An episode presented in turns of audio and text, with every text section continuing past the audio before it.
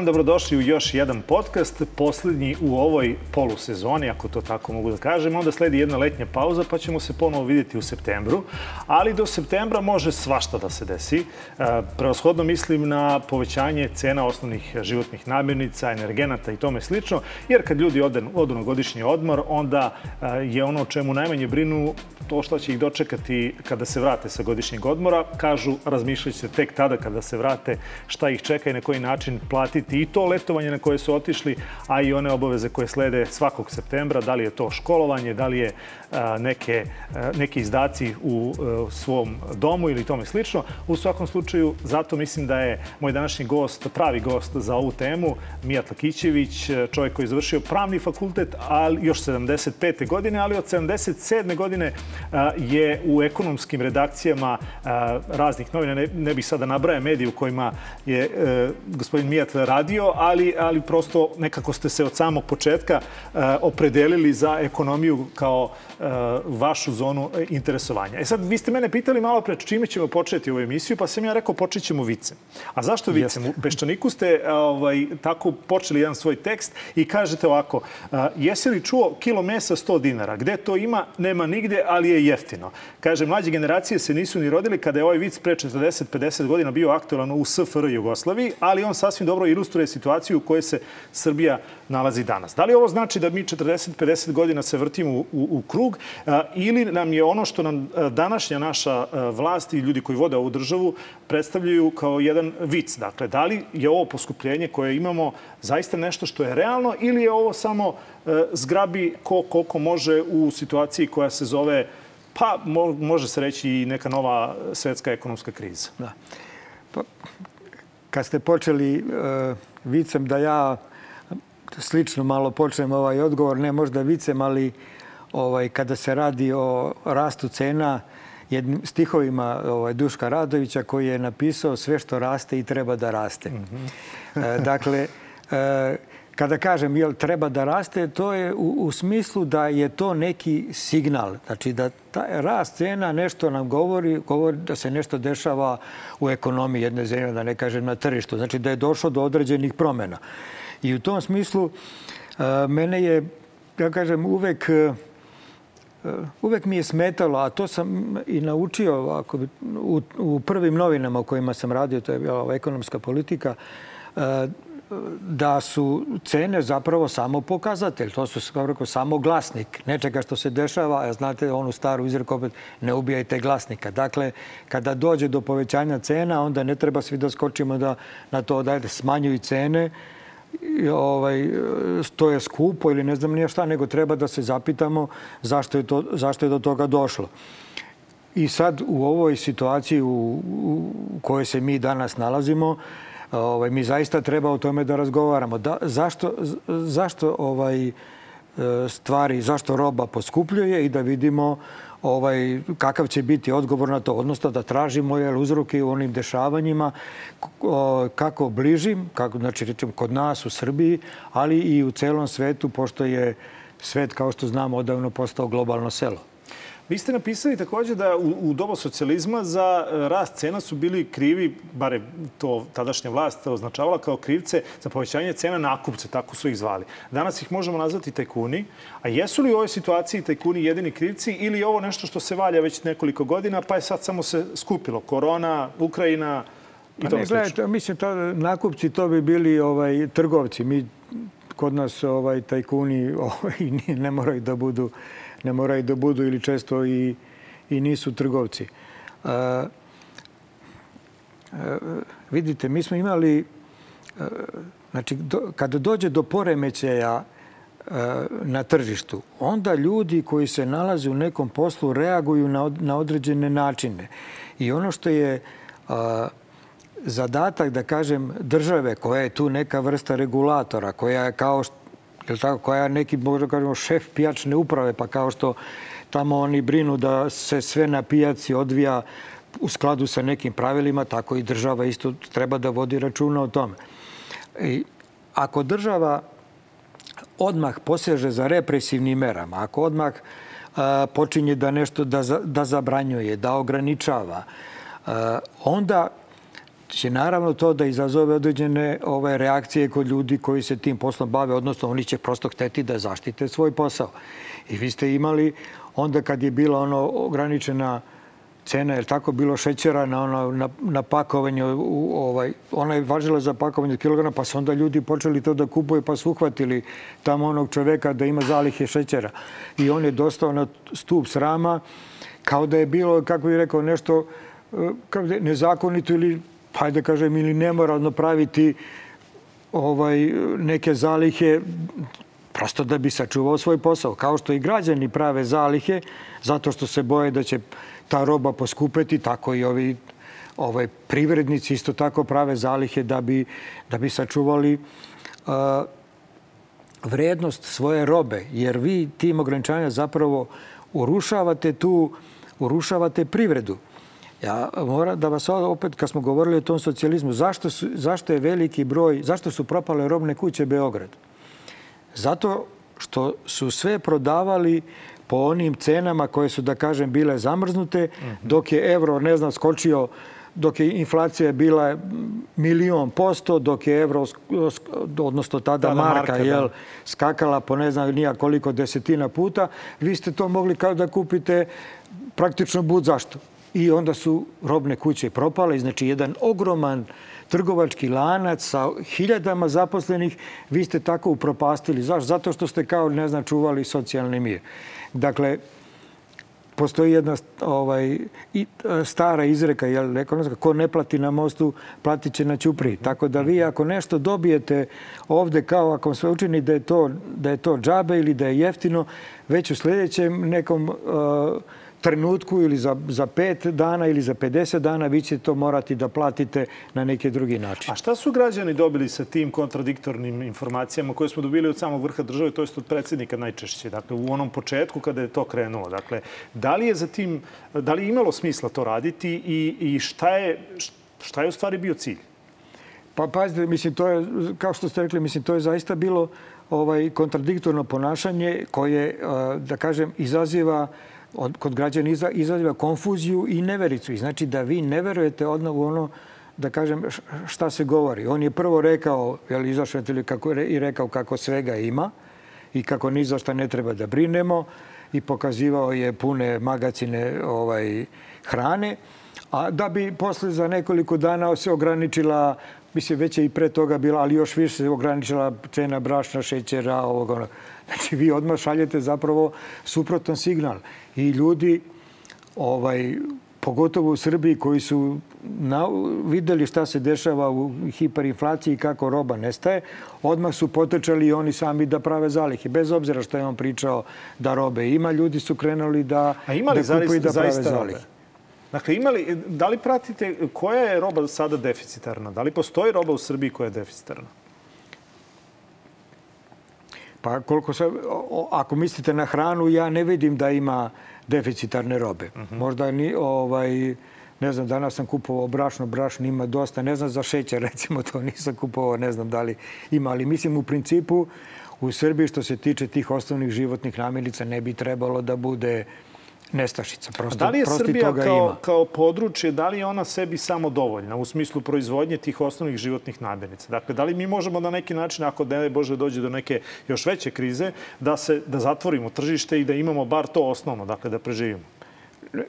Srbija jeste, mislim, prvo mi smo izvozni hrane, mislim, znači Srbija izvozi i pšenicu i kukuruz i brašno, šećer, suncokretovo ulje, dakle sve ovo o čemu se ovo govorilo, toga u Srbija proizvodi više, to znatno više e, nego što su njene potrebe. Tako da u principu mi e, ne bi trebalo da brinemo i ne bi, smeli, ne bi smelo da se desi da ostanemo bez te robe.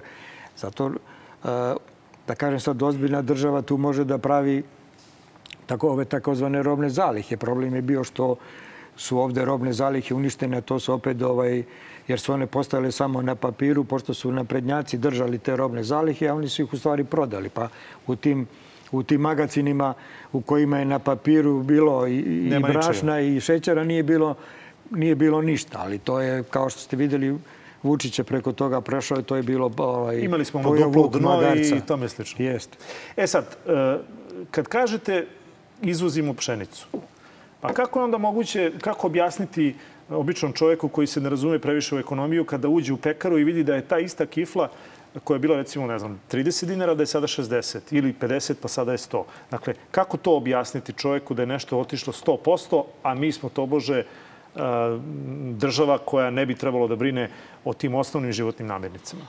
Pa sad bi mogu da gledam, nemojte da jedete hli, kifle, jedite hleb. Mislim, a cena hleba je ograničena, mada je opet, kako kažem, ne vidim, ne, ne vidim, za, ne vidim zašto. I, uh, u redu sad kad je ovako, ovaj, kad je rat, ali uh, pa, pa se poremeti snabdevanje u, u čitavom svetu i dve velike zemlje ovaj, izvoznice hrane su onemogućene, odnosno pre svega Ukrajina da izvoze, uh, onda to dovodi do, to, to, je, to dovodi do poremećaja na tržištu i onda vi morate da vodite računa o svojim bilansima, bilansima hrane.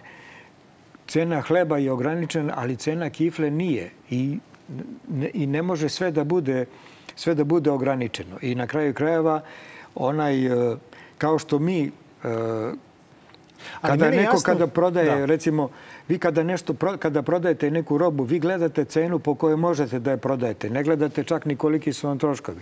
Kad neko prodaje stan ili kuću, ona ne gleda koliko je taj stan ili kuću platio, nego kakva je stanje na tržištu i po koliko može da je da je proda.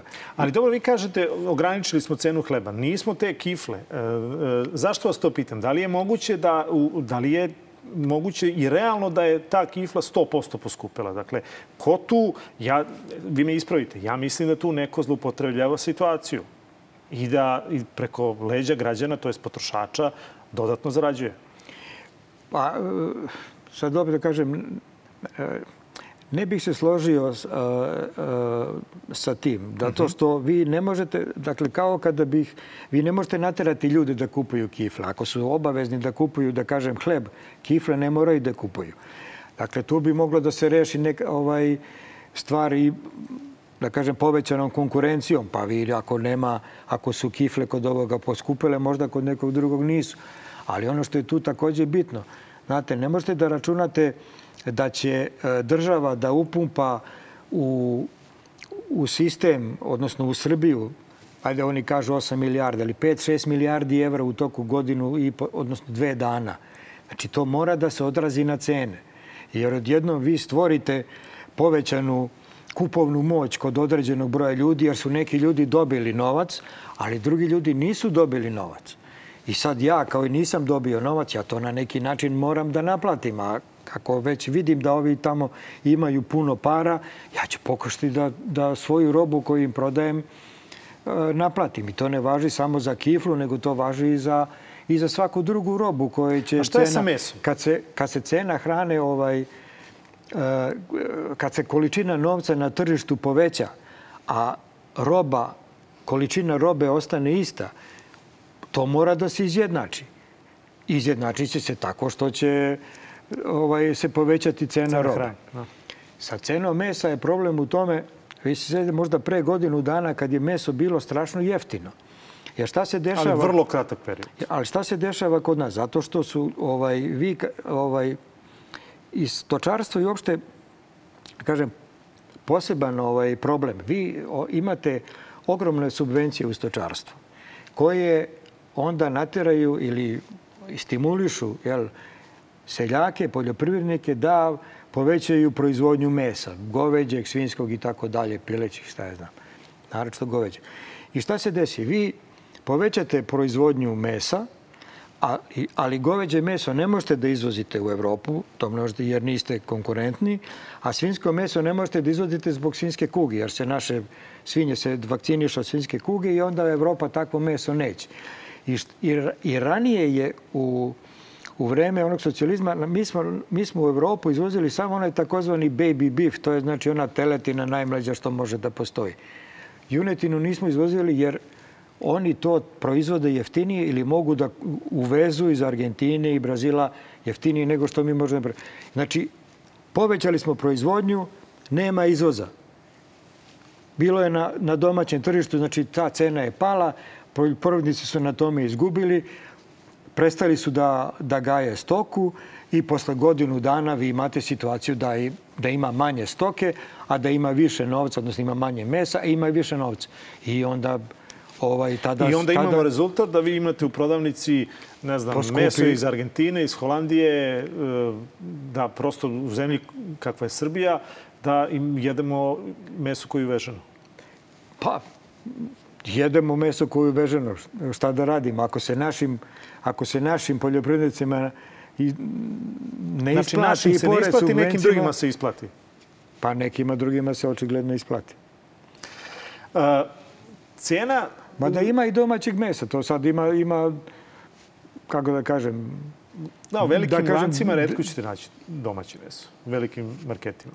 Možda u, u, u ovim po, po kraju da, ali u velikim lancima to je većinom meso iz, iz uvoza. Zato što, su, zato što je naše meso nije, nije konkurentno, ali to je opet, eh, ajde kažem, to je sad stvar tržišta. Vi onda možete da napravite ovaj, ili sobstvene lance ili napravite neki, neki da kažem, marketinšku neku ovaj, ponudu u kojoj ćete reklamirati domaće meso, pa će ljudi ići da kupuju domaće meso, ako, ako hoće da ga plate čak i, i i skuplje nego što bi inače... Ovaj... Aj, sad, za meso ste rekli da postoje određena ograničenja, e, što zbog uvoza iz Argentine, iz Južne Amerike uopšte, e, ovde svinsko meso zbog kuge, a šta je sa krompirom?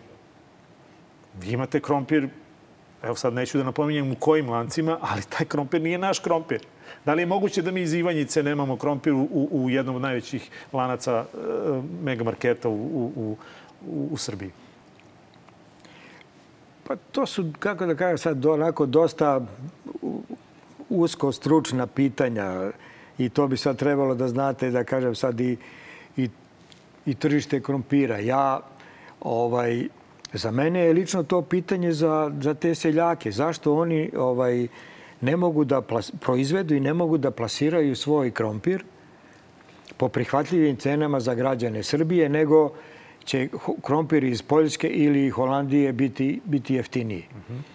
A, znate, mi smo u principu svi bi tu, da kažem, trebalo da, da budemo jednaki na tržištu. U, u, u, u smislu da se ovaj, mi pitamo zašto bilo koja domaća roba ne može da bude konkurentna sa stranom koja se, koja se uvozi iz, iz inostranstva. Ili vi napravite nešto da to kao da, da budete konkurentni, da to, proda, da to ovaj, znači, prodate. vi smatrate mogu... da su u tom lancu otprilike svako deli neku svoju, svoju dozu krivice. Od seljaka koji se nije dobro organizovao, do države koja to sve ne, ne, ne do trgovaca, dakle, svi su pomalo, je tako, krivi zato što imamo ovakvu situaciju kako imamo, da luk uvozimo iz Kine i sada ne nabrajamo prosto namirnicu po namirnicu, ali jednostavno to je ono na što mi nailazimo u, u, u ali, našim e, prodavnicama.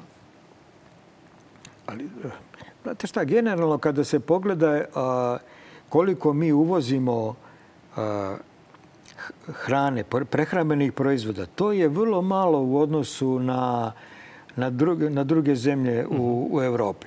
Prirodno je da se uvozi i da se izvozi. Srbija može isto tako i da uzme zašto Srbija ne izvozi luk. Zašto? U, čemu, je, u čemu je, da kažem, problem? -huh. Zašto, zašto Srbija ne, ne izveze krompir? Neka napravi neki brend ili neka napravi cenu, neka se kaže to je Ivanjički krompir ili ne znam odakle je luk. Ja pravo da kažem, znam neke velike proizvođače luka i znam da ljudi ulaze u proizvodnju, u proizvodnju belog luka na desetinama hektara i da super prolaze. Ovaj... Ali taj luk najverovatnije završi na, na trpezama u nekim evropskim gradovima, pa čak i u Rusiji, a ne na, na pijacama naših gradova. Pa super, zato što oni mogu taj beli luk da prodaju po, po višoj ceni nego što ga prodaju u Srbiji. To znači da je Kao možda što, kvalitetniji od onoga koje mi znači, jedemo, pazite, a iz, iz uvoza je. Pa, moguće da je, što ste rekli, kvalitetnije... Dakle, da li je, ja sad samo povezujem ono kako ste mi vi rekli. Dakle, da li je onda e, e, sledeća moja tvrdnja tačna. Dakle, mi jedemo kineski e, luk zato što je on jeftiniji i lošije kvaliteta. A naš luk, srpski luk, izlazi negde na, na evropsko tržište zato što evropljani mogu više da ga plate i zato što je najverovatnije onda kvalitetniji s obzirom na visoku cenu. Jesam u pravu ili, ili moja matematika pogrešna? Da, u, u, u pravu ste i to zavisi verovatno i, ovaj, u Srbiji ima potrošača koji ovaj, koji kupuju jeftiniji beli luk jer im, kako bih rekao, nije to toliko važno. Ja kupujem domaći beli luk ne zato što sam, sad da kažem, tu neki ekonomski patriota, nego zato što mi je taj luk bolji. Uh -huh. Uh -huh.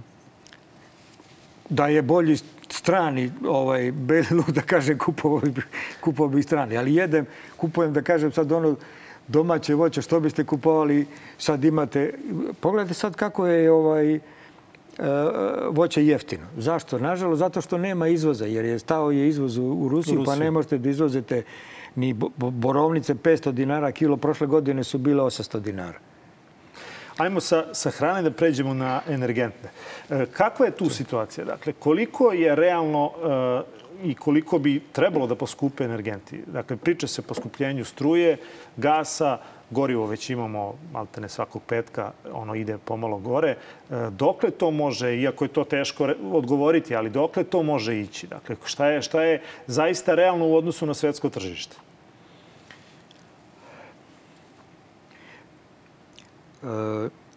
Realno u odnosu na svetsko tržište bilo bi ovo što je nedavno ovaj, predložio fiskalni savet da gas poskupi 75%, mm -hmm. a, da, a da struja poskupi 20%, mogla bi da, da poskupi i više.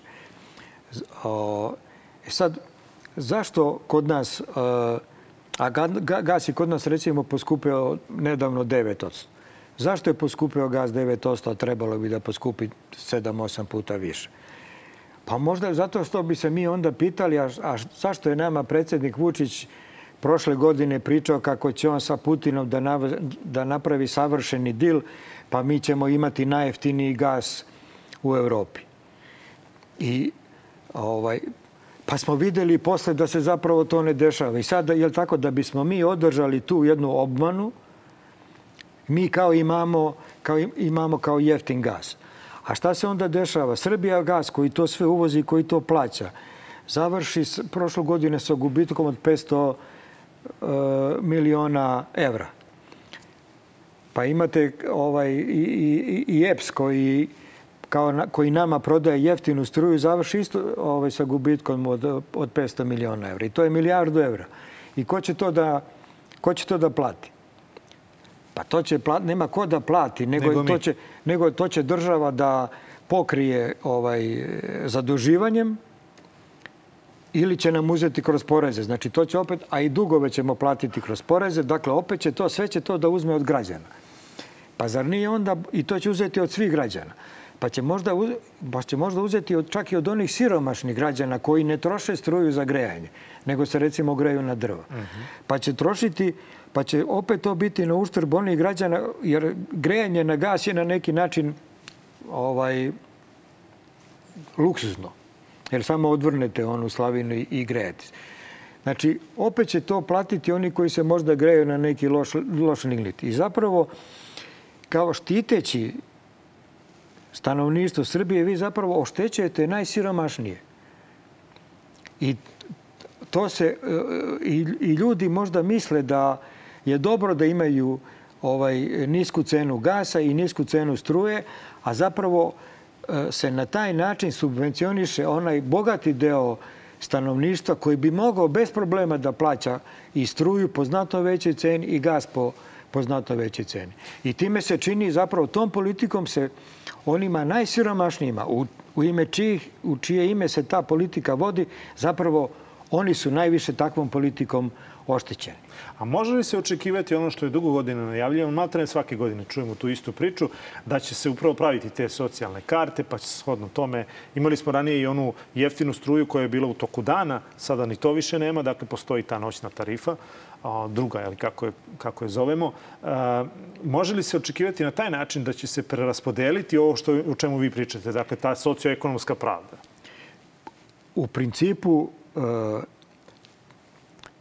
trebalo bi, znači, treba na neki način pomoći samo onim, da kažem, ugroženim građanima. Znači onima koji su, koji su najsiromašniji. Jedan od načina su te socijalne karte. Ali samo kad smo, vratit ću se na socijalne karte.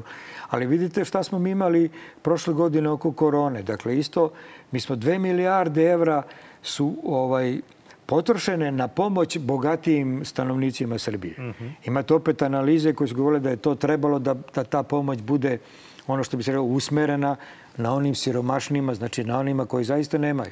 A vlast je delila onako šakom i kapom svima zato da bi izgurala izbore, je tako? Da bi i na taj način je praktično podmićivala To, je, to ovaj, jeste birač. jedan od razloga. Mislite li možda da je drugi razlog, možda ne manje bitan, to što uh, ova vlast možda čak i nema uh, razrađen sistem na koji bi usmerila tu pomoć. Dakle, uh, kad to kažem, dakle, mislim da, da ova država apsolutno i ne zna ko je socijalni slučaj. Uh, to je, to je ovaj, tačno, ima, ima u tome istine i to je problem uh, zaista administrativnog kapaciteta naše države, pa pre svega čini se ove vlasti ko, koja je uspela da te administrativne kapacitete još smanji. Da, jer vi morate imati, da kažem, dobru, kvalitetnu, odgovornu administraciju koja će ovaj, beležiti koji imaju prihod, ljud, ovaj, koliko koji ljudi imaju prihoda i koji će uspeti da utvrdi ko je, ko je stvarno siromašan. Pa ako neka, i ko se prijavi za neku socijalnu pomoć da utvrdi, da to proveri, da, da utvrdi da li se zaista radi o siromašnim ljudima, da tu nema nekih podvala, jer nažalost, je tako, prijavljuju se socijalnu pomoć i oni koji ne zaslužuju. Međutim, naša administracija je u tom smislu dosta ovaj, dosta osiromašena, odnosno ovaj, dosta je kadrovski onesposobljena, tako da je veliko pitanje u, kojoj meri je sposobna i da napravi sad te socijalne karte koje će biti adekvatne. Jer ja se sjećam dobro, recimo, ovaj, Gordana Matković koja se time ovaj, e, dugo bavi i koja je možda ponajbolji stručnjak za tu oblast u, u Srbiji, govorile da mi zapravo nismo u stanju da napravimo kvalitetne socijalne karte. Da, a to zahteva, jer to zahteva ogromnu administraciju i ogromna sredstva koje mi zapravo nemamo. Tako da, da kažem, sa tim socijalnim kartama da treba biti oprezan, ali što ne znači da se na drugoj strani i, na, i sa ovim što imamo ne može utvrditi relativno pouzdano i precizno ko je zaista siromašan. Jer ako vi pogledate, naravno u malim mestima, od, dosta se dobro zna, jel tako, ko, koji su ljudi siromašni, gde žive siromašni ljudi,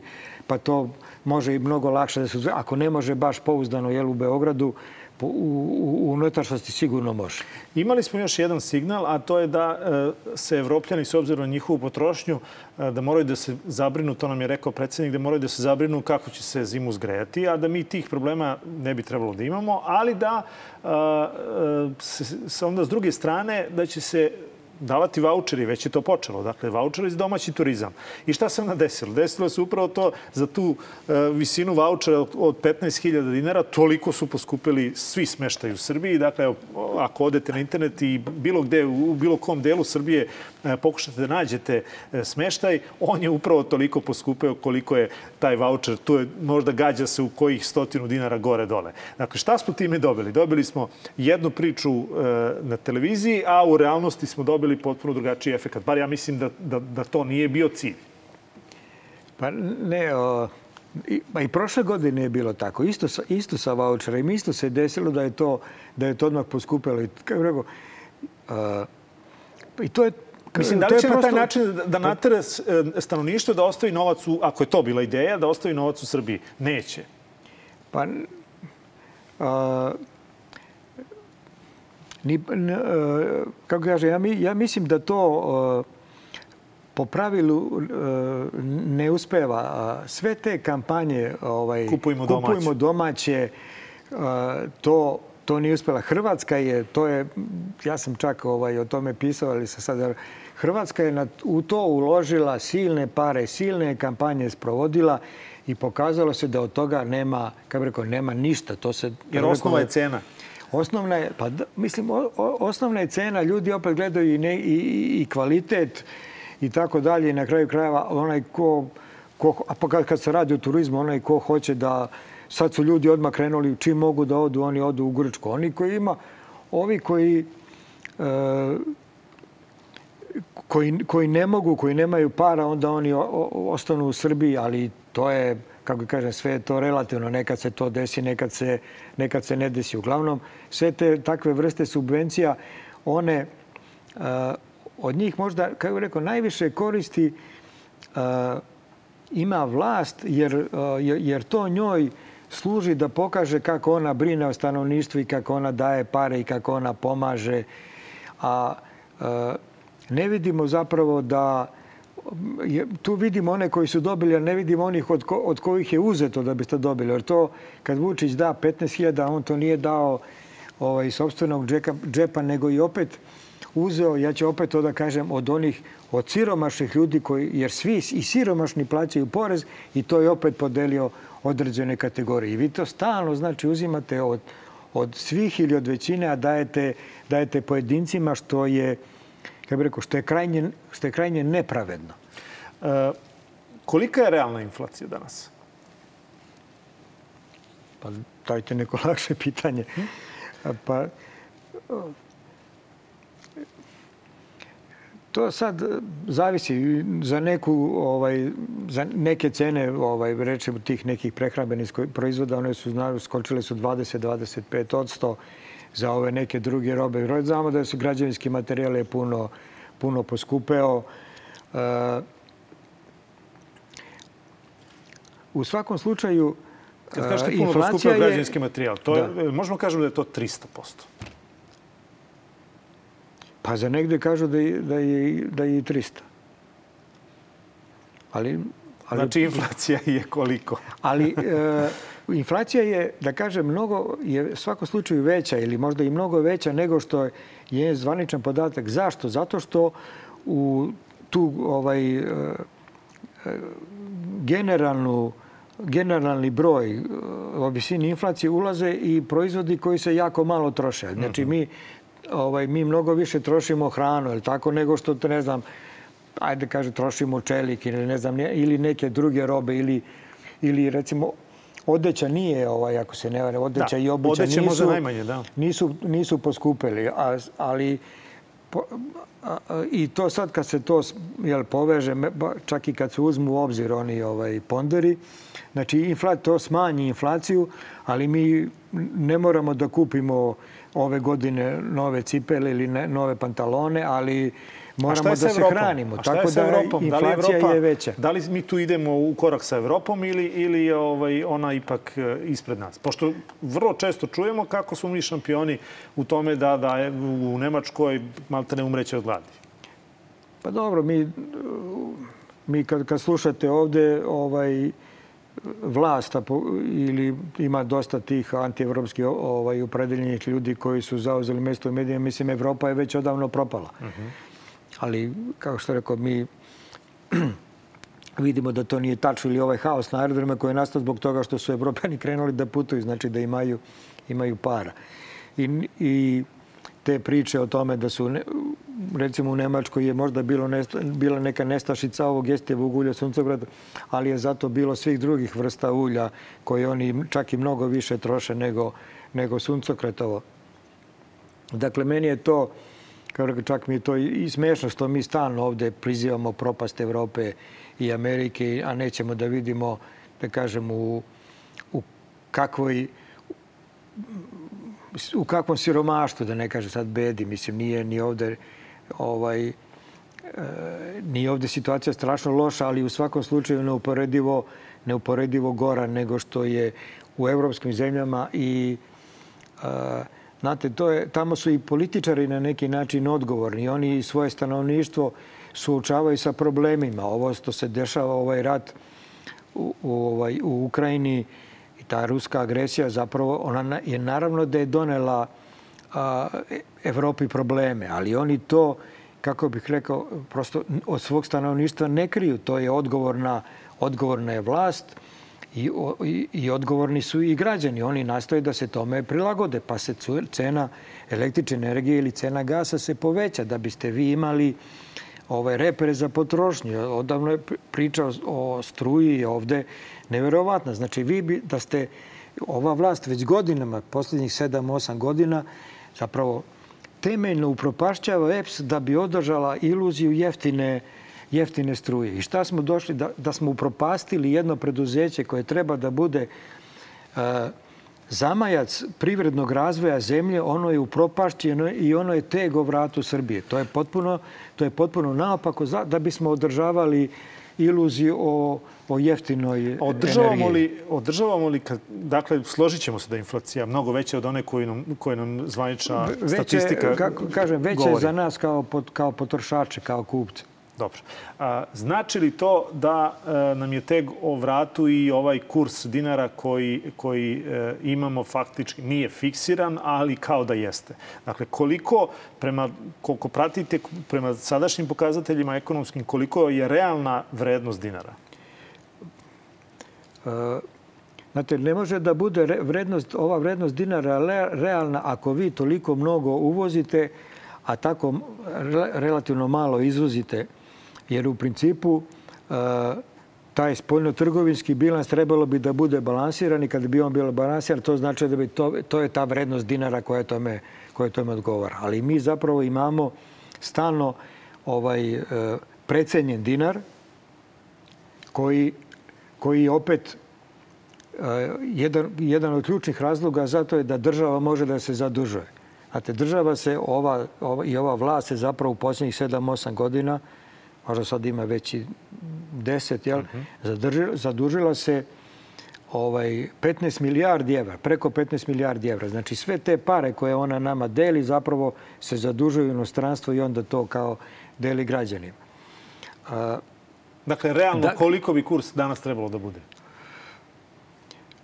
Pa sad to je, ajde da kažem, ne, bi, ne bih volio da, ne volim da licitiram, ali recimo po nekim računicama negde 150, po nekima čak i 170 bi dinara trebalo da bude za evro. Ali ajde neka je 140-50 recimo. U svakom slučaju 20-30% iznad, iznad ovog e, sadašnjeg kursa. Ali to država ne kada bi, kada bi ovaj, prvo kada bi e, kurs bio ravnotežan, onda ovaj, e, mi ne bi imali tako veliki bruto domaći proizvod u evrima, on bi bio, on bi bio znatno manji. Mm -hmm.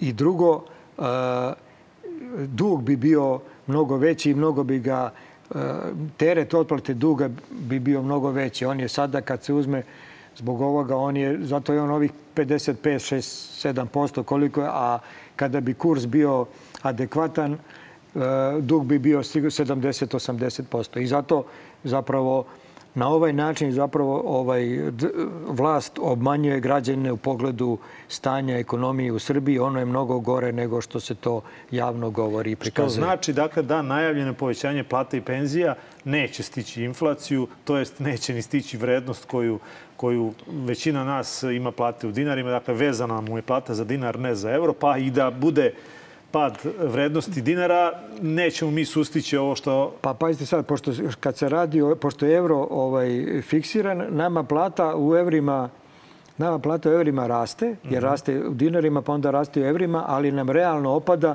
pošto cene... Ovaj, pošto je inflacija tolika koliko jeste. Da, pošto je, pošto je ova inflacija veća od, od rasta plata. Tako da zapravo mi, naša nama ovaj plata u evrima raste, ali naša realna kupovna moć opada. Mi možemo za sve veću količinu evra da kup, i dinara da kupimo sve manje robe. Gospodin Lakićiću, hvala puno na izvojenom vremenu i e, na ovom razgovoru. Nadam se dakle da e, će bar nešto od onoga što smo danas pričali da se neće ostvariti. Dakle, to bi bilo dobro da, da, da ne idemo toliko crno za, za posljednju e, emisiju, ali svakako e, treba se pripremiti za e, predstojeću jesen.